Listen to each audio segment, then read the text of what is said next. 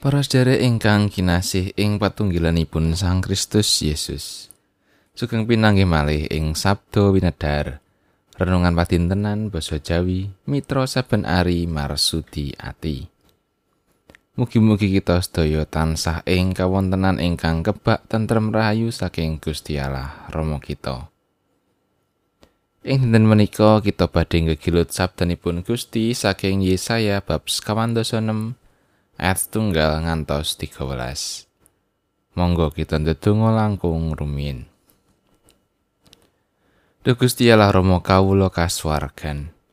Kawula sowan marek lan ngaturaken panuwun syukur. Awit berkah pangrimat paduka ingkang tansah nganti sauruting gesang kawula. Emakdal ingkang mirunggan menika kawula badhe nampi sabda paduka.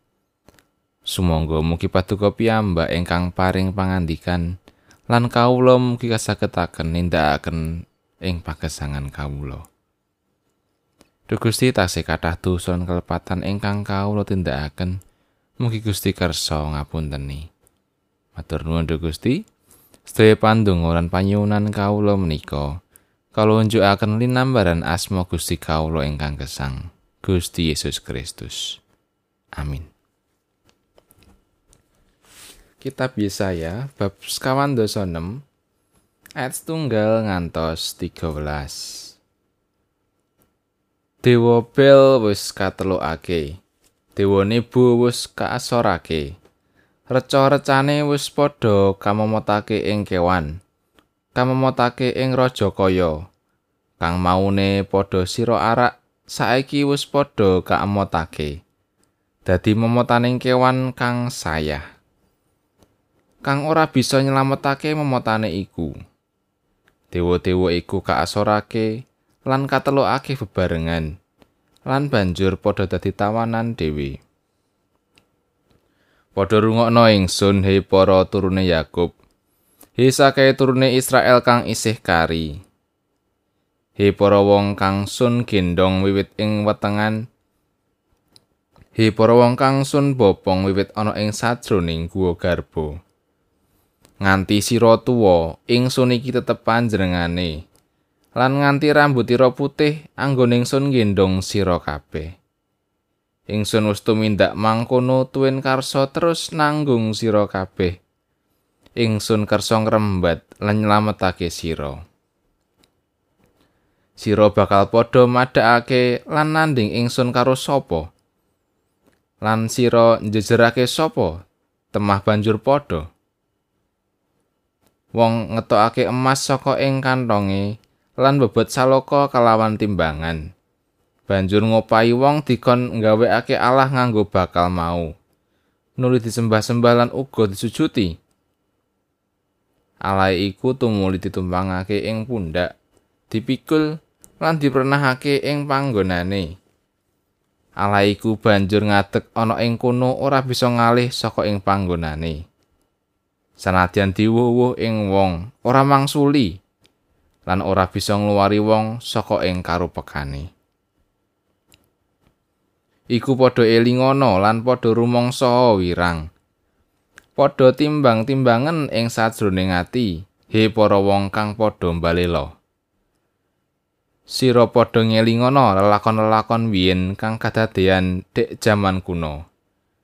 Menawa iya ingsun iki Allah lan ora ana liyane.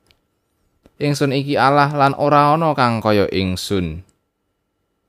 Kang paring sumurup wiwit ing sakawit prakara kang ing tembe bakal kelakon. Lan wiwit ing jaman kuno apa kang durung kelakon? Kang ngandika, putusan ingsun bakal tumindak. Tuwin sakae karsaning sun bakal kelakon. Kang nimbali manuk galak saka ing wetan, lan wong kang nindakake putusan ingsun kang asale saka negara kang adoh. Ingsun wis ngandika mangkono lan iku bakal sun tindakake.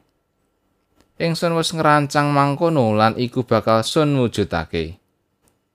Padha ngrungokno ingsun, he para wong gumunggung. Para wong kang adoh saka ing kabeneran. Kaselamatan kang saka ingsun wis cedhak. Amarga ingsun kang nyilakake tuwin pangluaran kang sun paringake ora bakal karendhetake maneh.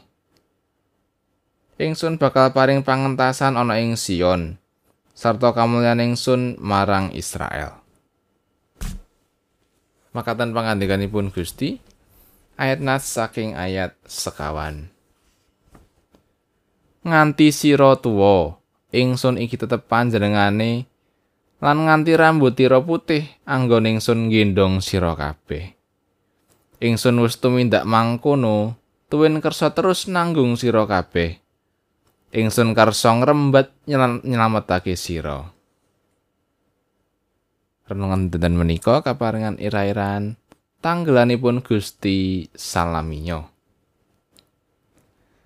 Lionel Messi, pemain sepak bola klub Barcelona, dados pesepak bola ingkang bayaranipun paling inggil sak donya.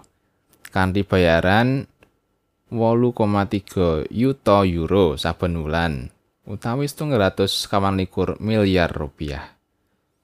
Menika ateges piyambakipun saged angsal 300 kawan dosa yuta saben dintenipun.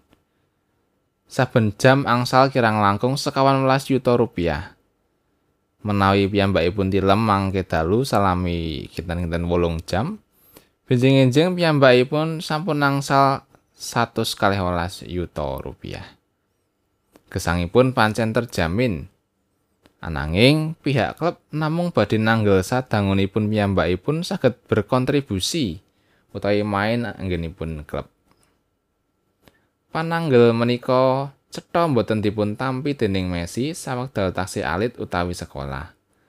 Lan sasampunipun sepuh utawi pensiun, klub nggih boten badhe nanggel kados dene saderengipun. Menika benten kalian ingkang kita tampeni saking Gusti. kita mboten ndakaken menapa-menapa Gusti inggih nanggel gesang kita.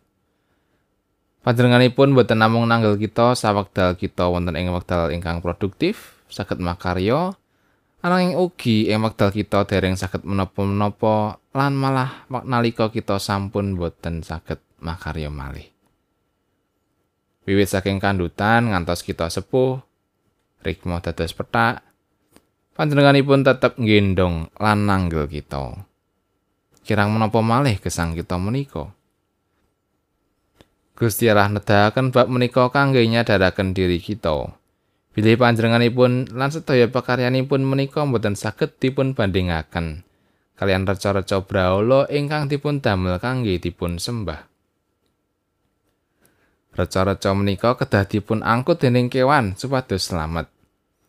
Gusti malah ngandika bilih panjenenganipun ingkang tansah gendong umatipun temahan wilujeng.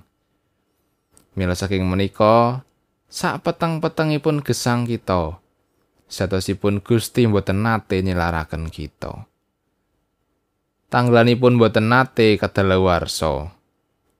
Panjenenganipun nunggil kalian kita, gendong kita, ngantos puput gesang kita wonten ing donya dalah salami laminipun. Amin.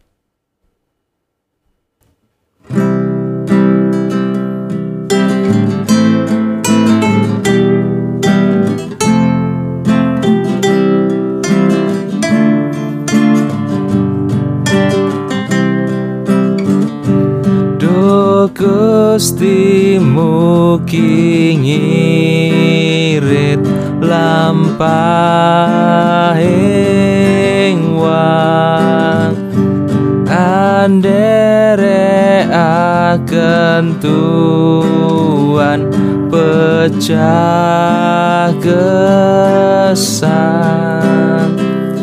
Kawulo tatan sakit bile marki. Sapu